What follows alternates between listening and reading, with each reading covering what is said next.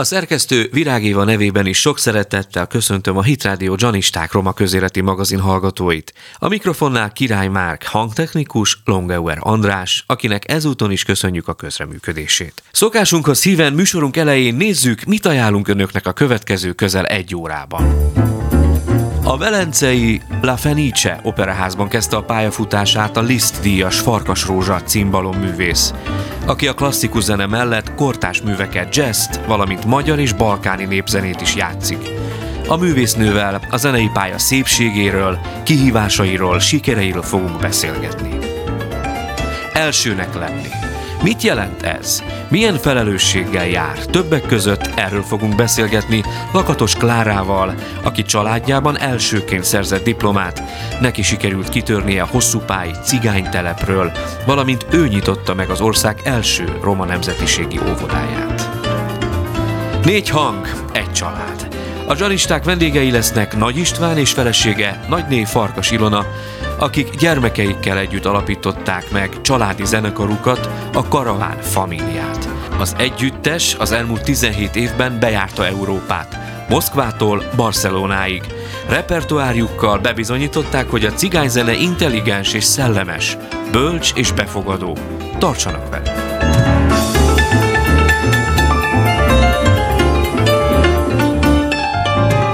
Köszöntöm a vonal másik végén a Lizdíjas cimbalom művészt, Farkas Rózsát. Köszönöm, hogy elfogadtad a meghívásunkat, Rózsa. Köszöntöm én is a kedves hallgatókat, és köszönöm a meghívást. Kedves Rózsa, talán kevesen tudják rólad, de te először zongoraművésznek készültél, és apukád javaslatára váltottál hangszert. Miért volt erre szükség? Imádtam zongorázni. Nagyon-nagyon uh-huh. szeretem. Kicsit későn kezdtem, tíz évesen. Hát abban az időben apukám vett nekem egy cifralemezt, Cifra Györgytől, éjjel-nappal azt hallgattam, és elkezdtem otthon megtanulni egyedül azokat a darabokat, persze kottából, de tanári segítség nélkül, és hát akkor még csak két éve zongoráztam, és persze ez a zeneiskolában ez, ez botrányt keltett, mert akkor még nagyon-nagyon szigorúan a tanmenet szerint kellett haladni, és aztán volt egy verseny, egy kis zeneiskolai verseny, amit megnyertem, de Rachmaninoff Cismort elügyével, ami hát nagyon-nagyon nem zeneiskolai anyag, és egyrészt meg, megnyertem a versenyt, másrészt meg el akarták venni a nyakkendőmet, az úttörő nyakkendőmet, úgyhogy apunak valahogy meg kellett engem fékeznie. Aha. De egyértelmű volt, hogy én zongoraművész akarok lenni, és akkor azt mondta apu, hogy gyerekem, egy hangszer nem hangszer, tudjuk, hogy zongoraművész leszel, nyugodj meg, persze, tudja mindenki, de azért valami egy-két valami új hangszer sem ártana, csak úgy mellékesen. És akkor így, így jött a cimbalom, amit egyébként eleinte nem nagyon vettem komolyan. Mert ugye tudtam kottát olvasni, csak meg kellett tanulni a cimbalmon a hangokat, és szép, lassú darabokat természetesen rögtön le tudtam játszani. Hmm. Technikám nem volt, uh-huh. tehát olyan nagyon sok energiámat nem kötött le, tehát ugyanúgy zongoráztam, és nem nagyon érdekel a cimbalom, ezt, ezt most így utólag így szégyellembe valami, de olyan kis gyerekhangszernek tartottam, hogy rögtön le lehet rajta játszani bármit, hát akkor ez semmiség.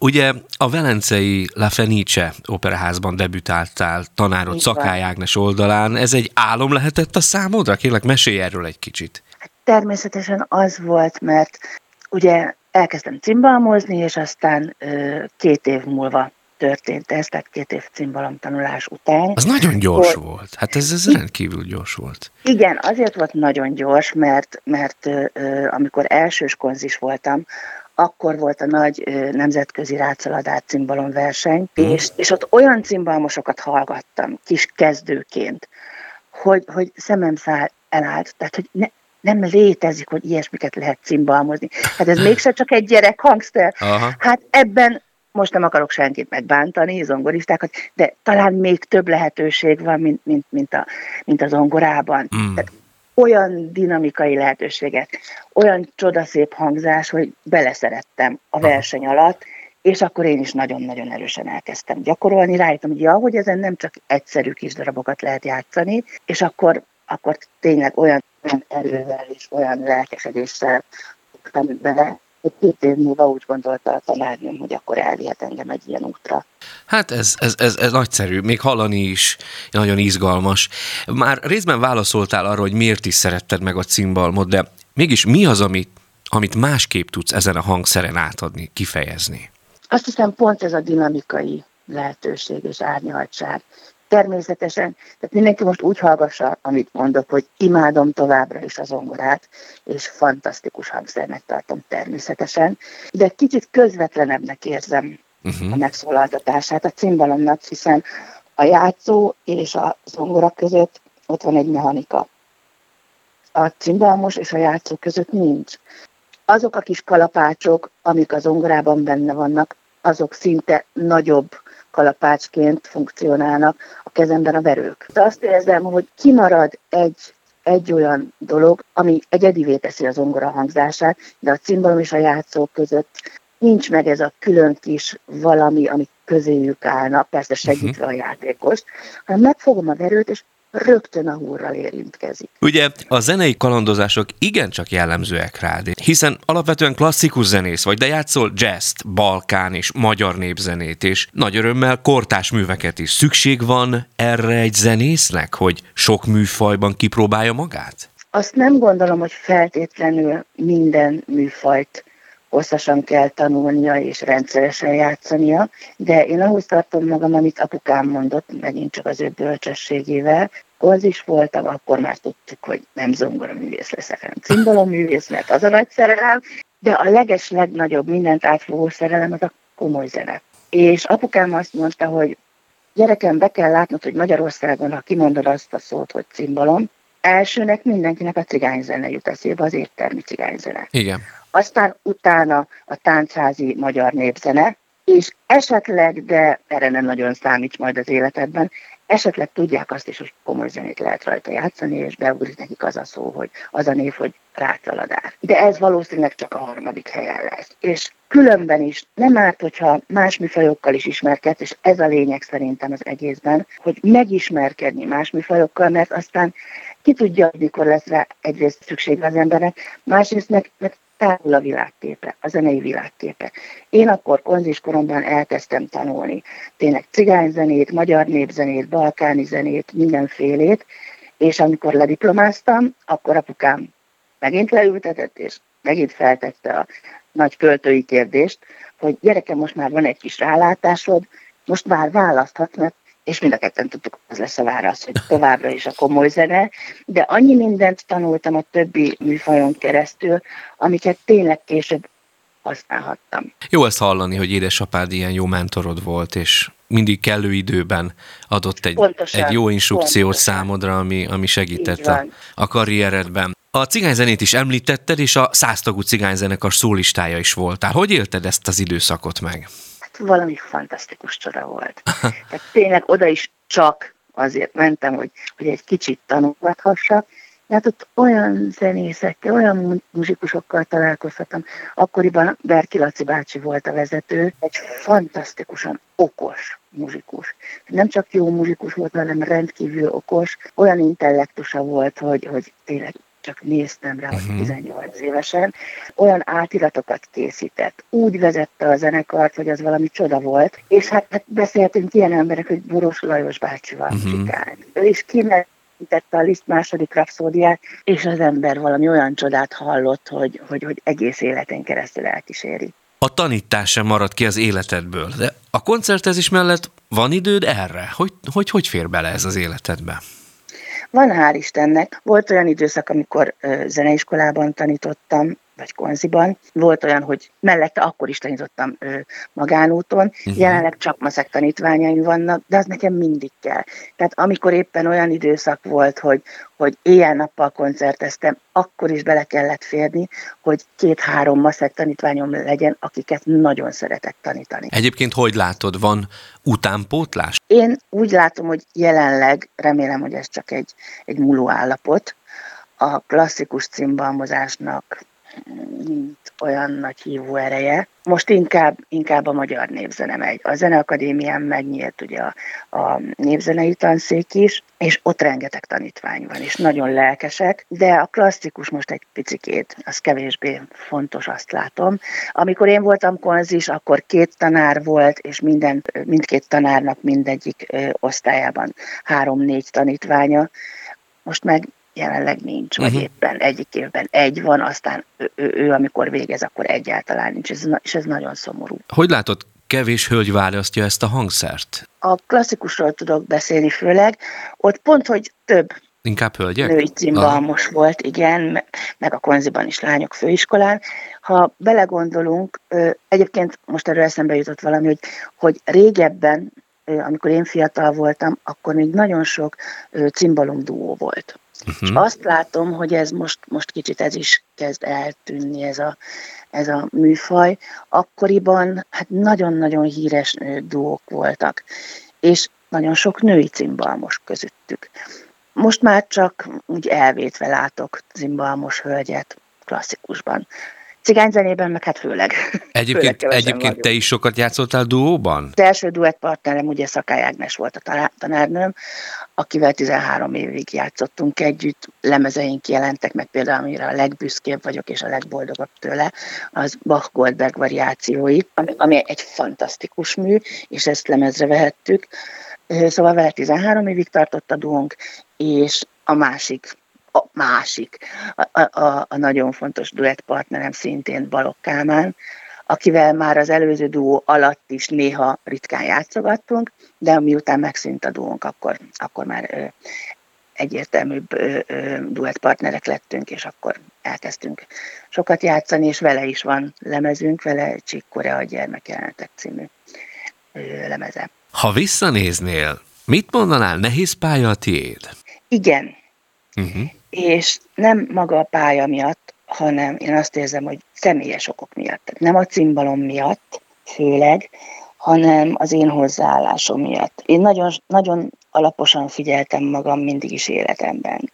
Tehát mindig igyekeztem egyre jobbá válni minden szempontból, ezért tudom magam kritizálni erősen. És nem régiben számot vetettem, ugye 50 évnél mindenki megteszi ezt, uh-huh. és amikor betöltöttem az 50-et, így rájöttem, hogy, hogy nagyon sok minden miatt én vagyok a hibás, mert nagyon könnyedén indult az én pályám. Mondhatnám azt is, hogy berobbantam fiatalon, a kortárs zenébe is, meg a komoly zenébe is, és én ezt megszoktam. És amikor fordult a világ, és, és már arra volt szükség, hogy az ember ne csak várja otthon a telefont, amit csörgött rendesen és rendszeresen, hanem utána kell menni a dolgoknak, meg kell szervezni a koncerteket, kopogtatni kell nagyon-nagyon-nagyon sokat, és én nem tudok kopogtatni. És tudom, hogy ez, te, tehát én nem vagyok az a fajta zenész, aki azt mondja, hogy hát persze, milyen csúnya ez a világ, nem keresnek engem, nem rájöttem, hogy én vagyok a hibás, mert én ezt nem tanultam meg, pont azért, mert könnyen indult a pályám, nem volt rá szükségem, és, és nem tanultam bele, hogy hogyan kell menedzselni magam. Külön szakma, Ez egy ugye? Külön művészet, nem csak hogy szakma, én művészetnek tartom. Igen, igen. Kedves Rózsa, én nagyon szépen köszönöm, hogy a vendégünk voltál, őszintén további sok sikert, sok koncertet, és, Nagyon köszönöm. és innen a Hit Rádióból sok áldást kívánok az életedben. Nagyon szépen köszönöm. Ugyanezt kívánom. Köszönjük szépen. A következő percekben Farkas Rózsa cimbalom művész egyik koncertfelvételéből haladnak részletet.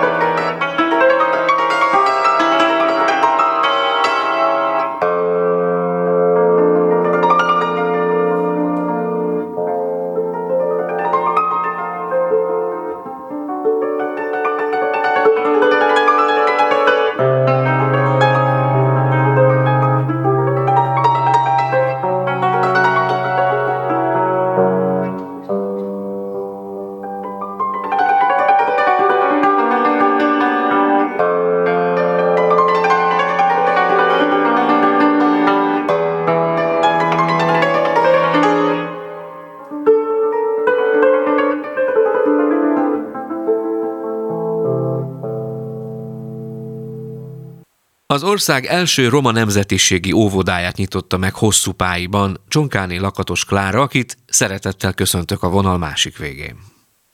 Jó Isten áldja meg! Nagyon kedves. Köszönöm, Klára, hogy elfogadtad a felkérést. Te hosszú pályban nőttél fel a cigánytelepen, aztán tanultál, sőt, diplomáztál, kitörtél onnan, majd visszamentél. Miért? Hát ez nem az én érdemem volt, egyet tudok elmondani, hogy a mindenható Isten olyan csodálatos, hogy szeret minden embert, és ebben még én is belefértem.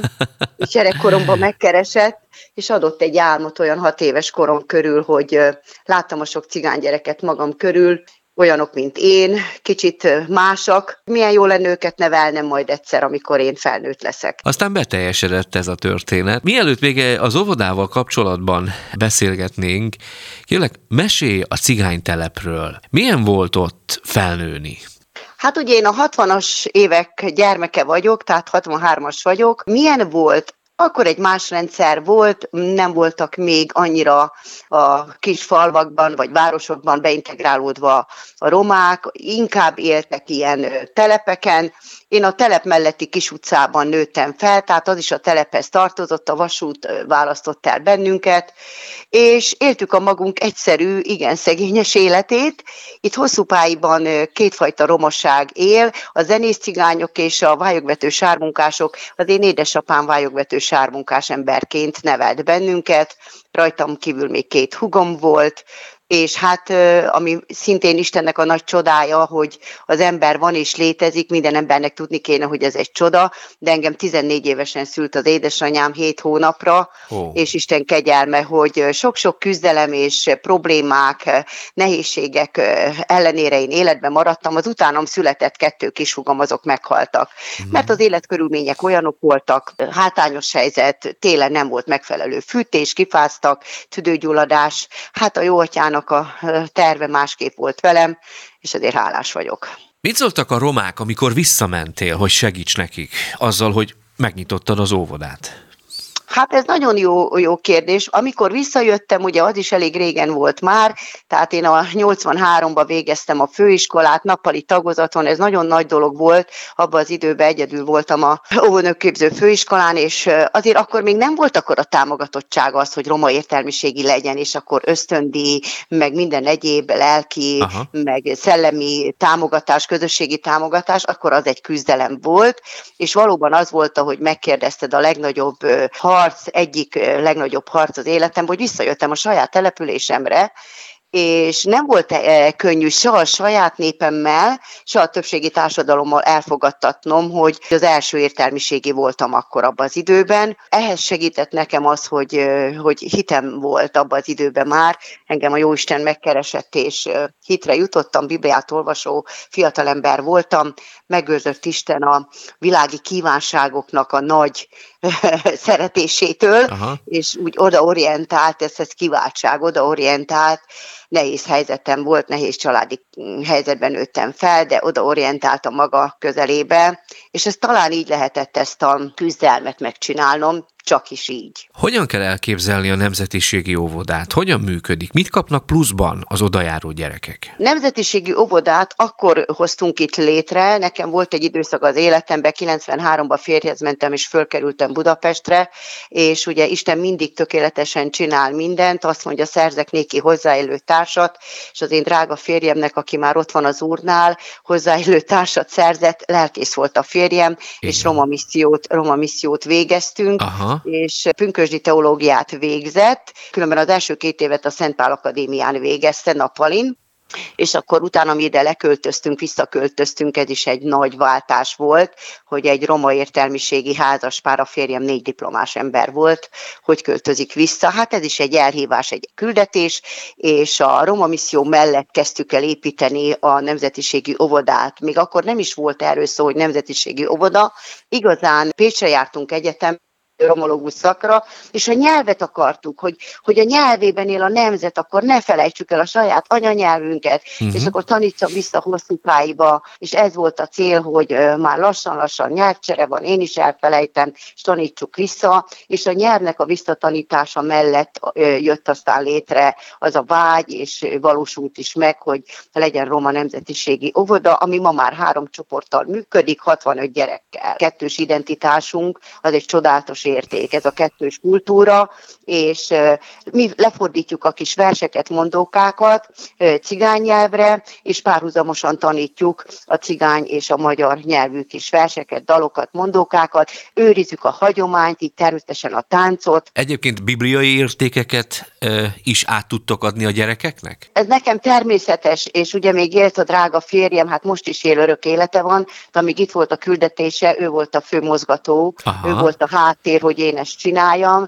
és természetes, hogy ugye Józsi bácsi oda bejött, és nem ilyen vallási szinten hitoktatás, hanem elővette a gitárt, a foruját, a szakszofont, és amellett beszélt Jézus Krisztusnak a csodálatos szeretetéről, és tudott tanítani a, hát a legdöntőbb, a legdöntőbb, hogy szeretjük őket, és ez nem egy elcsépelt dolog, mert ahol Isten jelen van, ott van jelen a szeretet, és ezt edényeink keresztül viszi az Úristen, és ezt így behozta az én drága férjem, és ezt én tovább tudom vinni. Egyébként át tudod adni a gyermekeknek azt az álmot, ami a te szívedben, fejedben volt akkor, amikor még a cigánytelepen éltél, ami miatt ki tudtál törni? Hát nem egyszerű átadni.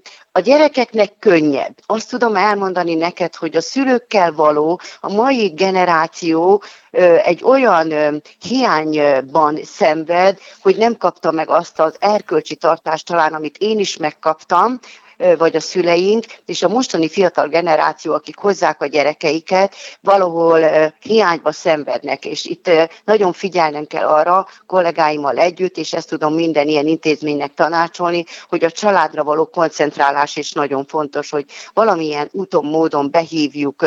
Itt szintén a szeretet a legfontosabb, a nyitottság, az intézménynek a befogadó képessége, hogy a szülőkkel is valahogy kommunikálni tudjunk úgy, hogy tanácsokat adjunk, mentálisan, pedagógiailag, hogy hogyan kellene a gyerekeiket úgy nevelni, hogy majd az ő gyerekeik is álmodjanak. Van egy-két gyerek, aki azért elkerül gimnáziumba, és azért ez már sikerélmény.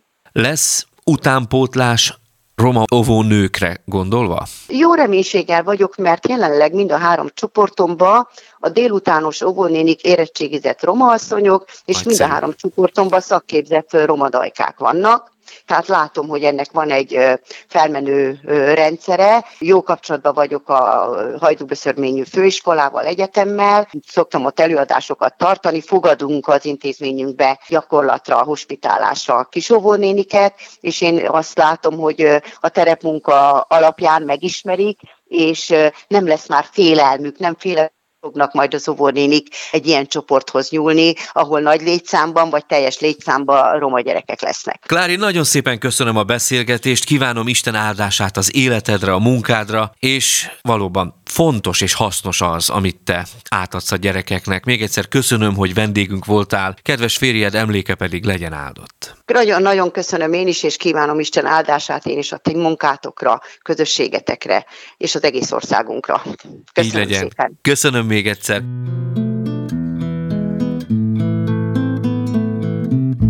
Urte e barbar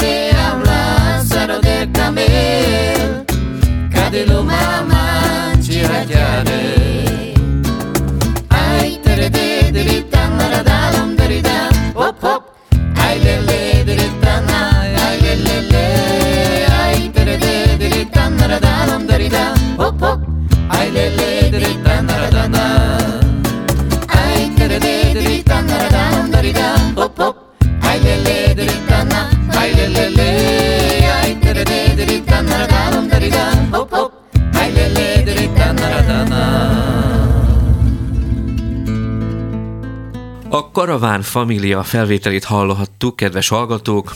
Az együttes két tagját, Nagy Istvánt és kedves feleségét, Nagyné Farkas Ilonát, kedves Icát köszöntöm itt a Janisták műsorában. Mi is köszöntünk téged és a hallgatókat. Ti tényleg janisták vagytok, nektek ez a szó. Azt gondolom, hogy érthető, kedves hallgatók is most már remélem hozzászoknak ehhez, hogy mit is jelent az, hogy valaki janista. Családi zenekar. Nem annyira sűrű ez Magyarországon, de ti mégis családi zenekarban játszotok. A gyerekek most nincsenek itt, de annó kinek az ötlete volt, hogy így családban zenéjetek, muzsikáljatok? Hát egyértelmű, hogy az István ötlete volt. Aha. De Bár aztán- igazából ez kicsit így, így magától jött, én azt mondom, hogy nem is volt ez így direktbe kitalálva, hogy legyen ez, hanem egyszerűen erre irányult minden, így összeállt a kép egyszer csak. Te előtte, mielőtt megalapult a, a, a zenekar, fiatal korodban is gitároztál? Természetesen zenéltem más együttesekbe, Aha. A Romanyi Róta együttesbe, ez, Igen. akik szeretik ezt a műfajt ismerik, később a Balogh Kálmán, Románok Okáló nevű együttesébe, aztán voltak évek, amikor már Ica is csatlakozott hozzánk mind a két csoporthoz. Mert én úgy tudom elkezdeni, hogy otthon ültök, például otthon ülsz, és akkor, akkor előveszed a gitárt, elkezdesz muzsikálni, dolog, persze. és akkor csatlakoztak hozzá a kedves feleséged, gyermekeid, elkezdtek együtt énekelni, és kialakult, hogy hoppá, hát mi lehetnénk egy zenekar is, valahogy Így, ilyesmi. valahogy ilyesmi, mert hogy állandóan ebből állt az életünk próbák, gyakorlás, Aha. ugye hát a színpad az nem csak abból áll, hogy fölmegyünk és minden stimmel, hanem rengeteg háttérmunka van, rengeteg próba van, mm. a régi zenekarokkal is állandóan ott voltunk, vagy náluk, vagy nálunk,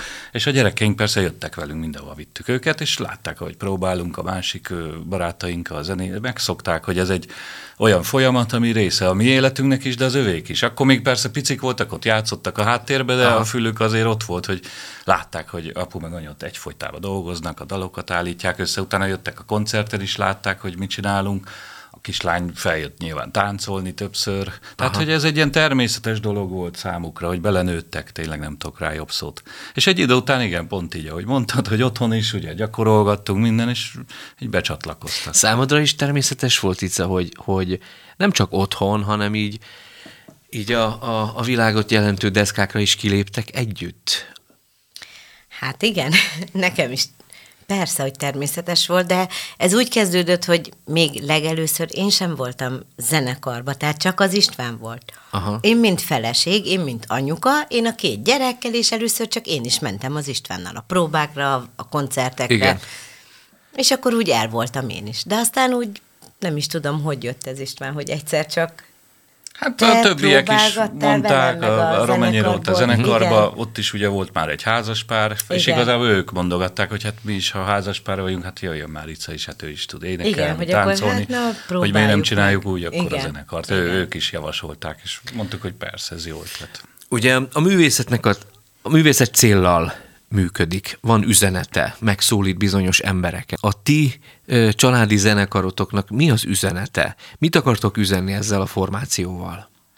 Jó kérdés, örülök is, hogy szóba került, mert Talán ez a legfontosabb, ami miatt csináljuk. Nyilván szeretjük csinálni, akkor is csinálnánk, ha, ha soha senki nem hívna, akkor otthon csinálnánk, de az üzenet része az, az a számunkra talán a legfontosabb. Tehát egyrészt az, hogy család vagyunk, mi szeretnénk ezzel valamit üzenni, hogy, hogy a család mint szentség, a család mint egység, a család mint érték, hogy az megjelenjen, hogy erre felhívjuk a figyelmet, hogy ugye milyen jó, hogyha egy család összetart, ha egy család együttműködik, ha egy család létre tud hozni valami értéket. Uh-huh. Tehát ezt is üzeni egyfelől.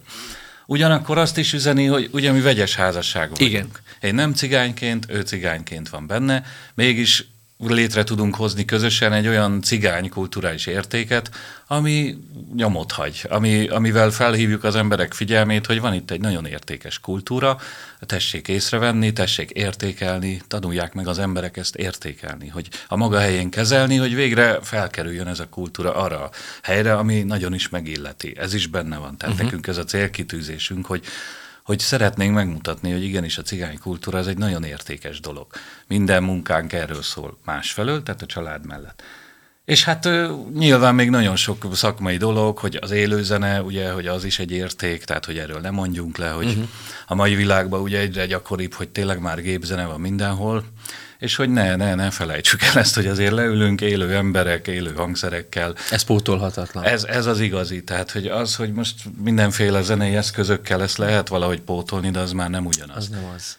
Tehát itt több minden van, de ezek a legfontosabb elemek.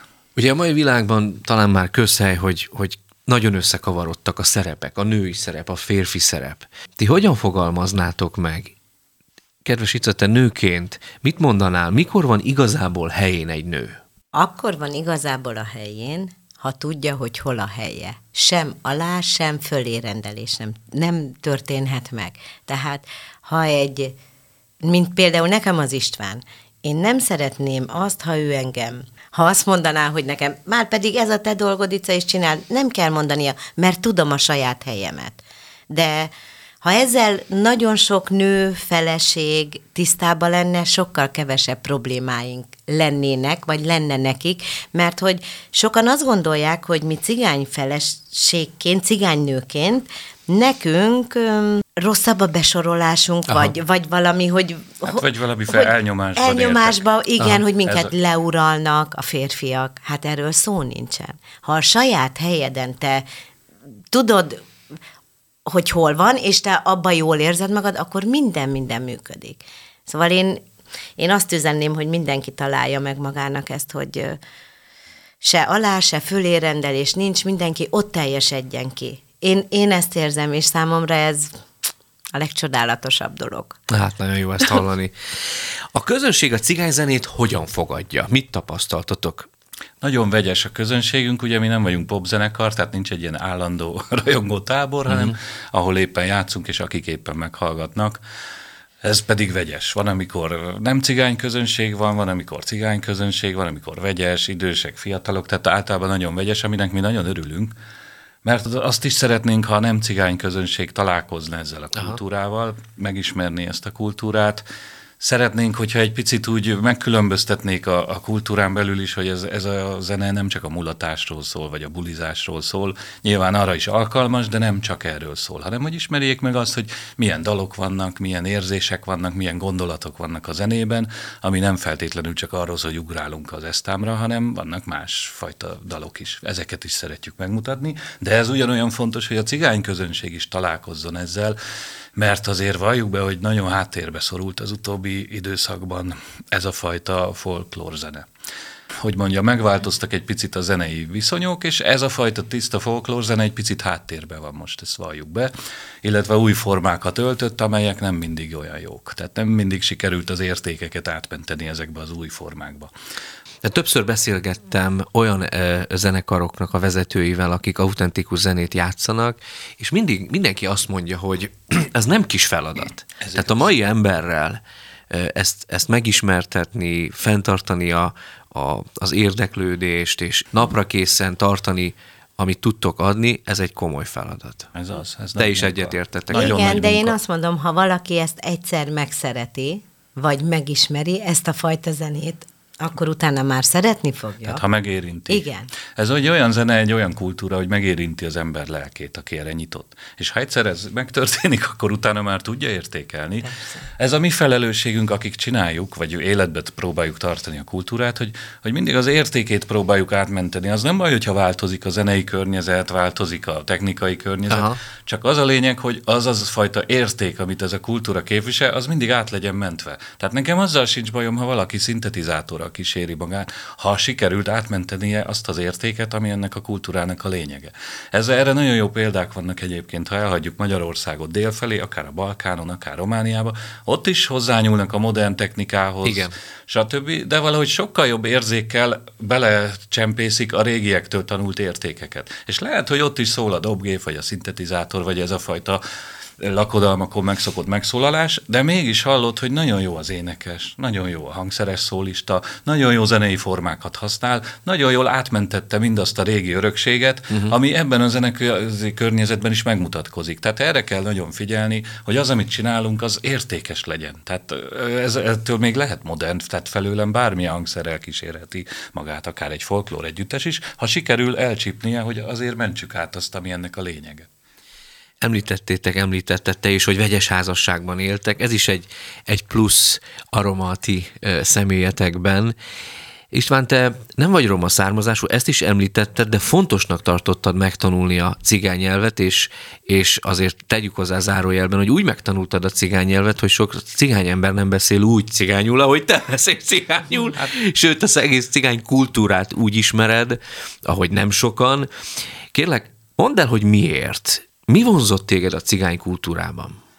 Hát most első körben nyilván a zene. Tehát hallottam ebben a zenében valamit, ami engem megérintett, amiről Igen. beszéltünk, hogy ez megérinti az embert, aki arra fogékony. De ez csak egy része nyilván a zene. Mert azon túl a kultúra az nem csak a zenéből áll, ahogy mondtad is, tehát a kultúra az ott van a hétköznapokban, abban, hogy hogy beszélünk egymással, hogy szólunk egymáshoz, hogy adjuk meg a tiszteletet, ugye hát te tudod.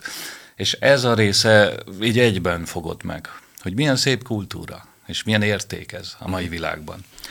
Tehát ez, ez az egész egy ilyen csomag, amire az ember azt mondja, hogy ez nagyon értékes, ennek örüljünk, hogy ez itt van velünk, és tanuljunk belőle. Engem ez motivált. És hogy tanultad meg egyébként a nyelvet? A nyelvet se úgy tanultam, mint manapság, akkor nem voltak még nyelvkönyvek sem, meg Aha. semmi, ez, ez a 80-as évekről beszélünk. Aha. Én voltam ilyen 15-16 éves kamasz, és nem volt ilyen iskolai formája, egyszerűen csak rám ragadt így a barátaim által. Érdekelt a zene, szerettem volna érteni a dalok szövegét, Aha. mert hallottam, hogy ugye cigányú vannak, az szép, szép, de hogy az nem elég, én érteni akarom. És nagy szerencsém volt, mert akkoriban ez még a Kaják lemez megjelenése előtt volt, csak egy ilyen gyűjtést lehetett kapni a lemezboltban, Vig Rudolf gyűjtéseiből egy dupla lemezt, de akkoriban az volt a szokás, hogy minden dalszöveget belenyomtattak a aha. lemezborítóba, és ott volt eredeti nyelven is. Hoppá, Cigányul az összes dalszöveg, lefordítva magyarra, és akkor azt tanulmányoztam először, hogy de jó, hát akkor most erről van szó, értem, barátkoztam a szavakkal, uh-huh. szerettem volna én is hitelesen kiejteni a dolgokat, és később lettek olyan barátaim, mestereim, akik ebbe segítettek, vettek, értékelték a kis erőfeszítéseimet, és így a szárnyaik alá vettek. Néhai Balog János volt az uh-huh. egyik szegény, aki nagyon sokat segített, Balog József, aki uh-huh. Szerencsére még ma is képviseli ezt a gyönyörű zenét. Ő is, és nagyon sokat segítettek, nagyon nyitott szívvel fogadtak. Később is Varga Gusztáv, a másik Varga Gusztáv, aki most Bódi Guszti néven Aha. más műfajjal foglalkozik, de akkor folklorzenével foglalkozott, sokat segített, és hát a későbbi barátaim, a Rományi Rótából, Balog Feriék, tőlük tanultam, meg így rám ragadt. Itt hogyan ismerkedtetek meg Istvánnal? Hát egy nyári táborba ismerkedtünk meg. Én, mint végzős diák voltam. Ő meg lejött, hogy zenét tanít nekünk. Akkor már cigányzenét tanított? Persze, Aha. képzelt, képzelt. Szóval ő jött a tábor. Cigányzenét tanított neked? Ah, igen, igen, igen. És akkor ott a tábor ideje alatt, hát ez egy tíznapos nyári tábor volt, Balaton szemes, Aha. ott nagyon sokan összejöttek, és azóta is egybe, van, egybe maradtak, úgy, mint én meg István. És akkor ott, hát én úgy éreztem, hogy hát minden erőfeszítésem, hát itt felesleges, mert hogy ő, sajnos ő észre sem vesz engem. Aha, Gondoltam aha, én. Aha. Na de hát persze, ő benne már ez megvolt, hogy ő mint nevelő, vagy tan- csoportvezető. csoportvezető jött le, igen, és akkor én, mint diák, hát mert még az volt az utolsó évem, és hogy ezt nem lehet a kettőt összemosni. Na de hát visszafele a vonaton már nem így történt, és akkor onnantól kezdve, hát ha leszálltunk a vonatról, Azóta is együtt vagy. és azóta együtt, igen, szóval talán haza kísértél egyből? Persze. Ez Haza 90-ben kísért? volt, 90 Igen. nyarán, tehát Aha. Haza 32 kísértél, és már aznap este bejöttél? Szerintem igen. Igen. Tehát aznap este ő már be volt mutatva anyukámnak, apukámnak, és akkor onnantól kezdve kemény három hónapig udvarolt nekem, ami azt jelenti, hogy három hónapon keresztül minden nap jött. Minden áldott nap jött, és mindig hozott valami kis csokit, szóval soha nem jött üres kézzel, három hónap. Három hónap után azt mondtuk, hogy jó, mi együtt szeretnénk lenni, együtt szeretnénk élni, elköltöztem, és azóta is Istvánnal vagyok. De hát mondom, ez az első perctől be volt otthon mutatva. Szóval í- így kezdődött a mi. Akkor áldjátok azt a tábort. Azt Én a áldom, tábort. és, és nagyon szeretem is. Ezek a régi cigánytáborok egyébként fantasztikusak voltak. Igen. Tehát azt mondjuk el azért, hogy akik szervezték a régi cigányház, a romanokért, Igen. olyan munkatársak voltak, és olyan lélekkel csinálták ezt, ami mai napig is kihat. Tehát akik akkor ott táboroztak ezekbe a nyári cigánytáborokba, azok gyakorlatilag ma ők alkotják a cigány közélet gerincét. Igen. A mai fiatalokat szerintetek rá lehetne venni, hogy elmenjenek ilyen táborokba? Picit megváltozott a világ, nehezebb Igen. őket egy kicsit megszólítani, lekötni, és kevesebb az olyan karizmatikus ember, mint akik ott részt Igen. vettek, azért azt Aha. valljuk be, tehát Aha. a Zsigó Jenő, Balog János, Csányi rengeteg Jancsi. Csányi Jancsi. Aha. Igen. Tehát ott nagyon karizmatikus emberek voltak, akik a, a gyerekekre olyan hatást tudtak Hát gyakorolni. fiatalok voltunk, nem gyerekek, mert ez egy ilyen középiskolás tábor tábor, volt, volt. ösztöndíjasoknak. Igen, ösztöndíjasok voltunk. És, és hát akkor nyilladoztunk, tudod, és akkor kaptunk tőlük egy olyan löketet, ami még mai napig szó szerint kihat, és tényleg jól mondja is, hogy a közéletben ott vannak. Mindenkit a kulturális ismerünk, életbe, igen. a közéletbe, A azóta is zenében, ott vannak ezek, akik fiatalok, Pontosan. olyan szinten meg lettek érintve, megerősített az identitás. Érdekes, nagyon érdekes. Olyan Pontosan. útravalót kaptak, kulturálisan is, meg egyáltalán tudásban. Érzelmileg, mindenhogy, Mindenhogyan. mindenhogy, szóval nekünk nagy szükségünk volt És rájuk, és köszönjük szépen, tényleg, még most is. Ezúton is, de a mai világban ez rettentesen hiányzik. Bizony ezen gondolkodtam, hogy kevés az ilyen karizmatikus ember, aki ilyen hatást tud gyakorolni a Pontosan. következő generációra. De tudod, ott az is kellett, hogy bennünk is legyen egy nyitottság, Nyitottság, egy hogy keresés. nekünk is Egy kellett. keresés, Az keresés. ottani fiataloknak középiskolába tanultunk, feljöttünk vidékről, kollégiumba laktam, nem csak én, nagyon sokan, és nem találtuk a helyünket. Igen, És igen. jöttek, jöttek ők, jött valaki, aki megszólított, aki odafigyelt rád, aki Aha, segített téged, aha. támasztadott. Ez mennyire fontos. Kiépült egy közösség. Igen. Na, Visszatérve szóval- a zenekarra, Igen. igazából ki a főnök az együttesben? Ki írja a dalokat? Ki, ki hangszerel? Hát István. Hát van egy művészeti vezető, az lennék én. Aha. Az azt jelenti, hogy én csinálom a dalokat, én írom a dalszövegeket, én csinálom a feldolgozásokat, én hangszerelek, tehát a mű- összes művészeti részt én csinálom, bár az utóbbi években a fiam István sokat segít, egyre többet részt vesz ebben a munkában, vannak ötletei, és nagyon jól együtt tudunk dolgozni, ugye mi, mi játszunk csak hangszereken ketten. Tehát nekünk is kell- gitározik? Gitározik, basszusgitározik, ütőhangszeren játszik, énekel, Aha. és mivel hangszeresek vagyunk, mi tudunk így együttműködni, hogy megteremtsük azt a zenei alapot, ami, ami szükséges ehhez. Úgyhogy van egy vezető, igen. Mi a véleményetek belülről, hogy, hogy mi a különleges a ti zenétekben? Mert valami más. Hát én úgy látnám, vagy én úgy látom, hogy hogy az, hogy egy családi zenekar. Jól, az István az elején mondta, hogy több zenekarba is besegített, Igen. tagja volt, oszlopos tagja volt, nem tudom. De soha nem tudtad megteremteni azt, ami most nálunk meg van teremtve. De csak azért, mert egy család vagyunk. Aha. Szóval érted? Itt elég az, ha egymásra nézünk, tudjuk, Értem, értem. kinek mit. A színpadon is bármi történhet. Nagyon nagy a harmónia Igen. Igen. köztünk, ismerjük egymást, harmonikusan élünk együtt, és tényleg menet közben, koncert közben elég egy nézés, egy szempillantás, és tudjuk, hogy mit Igen. akarunk. Hogy jó, Igen. akkor tegyünk rá még két, jó, most akkor váltsunk, most akkor egy nézés. Tehát ez más idegen zenészekkel, ezt nem is meddig megtenni. kéne gyakorolni, hogy ilyen szintre Meg nincsenek azok a terhek, amik általában Így a zenekarokban, van. amikkel meg kell küzdeni különböző ilyen versengések, meg Igen, mindenféle ez is igaz. gyerekbetegség, Akkor igen. Igen. Egyik ilyen személyiség, a másik Igen, olyan, igen, megtanulni igen. egymást kezelni. Most mit tudom, én például szeretek pontos lenni, azt mondják, hogy legyünk ott ötkor, én már fél ötkor ott vagyok. Hát ez ugye nem minden zenész. Igen. Van olyan zenész, aki azt mondják, legyél ott ötkor és nyolc komik hívogat, hogy igen, igen, majd megyek. Már úton vagyok. Szóval az is nehézség ebbe a szakmában, ugye ez igen. nagyon fontos, a pontosság, a megbízhatóság. És bizony megjelenik a, a termékben. Tehát ez a fajta egység, amit képviseltek, egyszerűen rajta van a zenén. Ez Tehát ilyen. lemegy.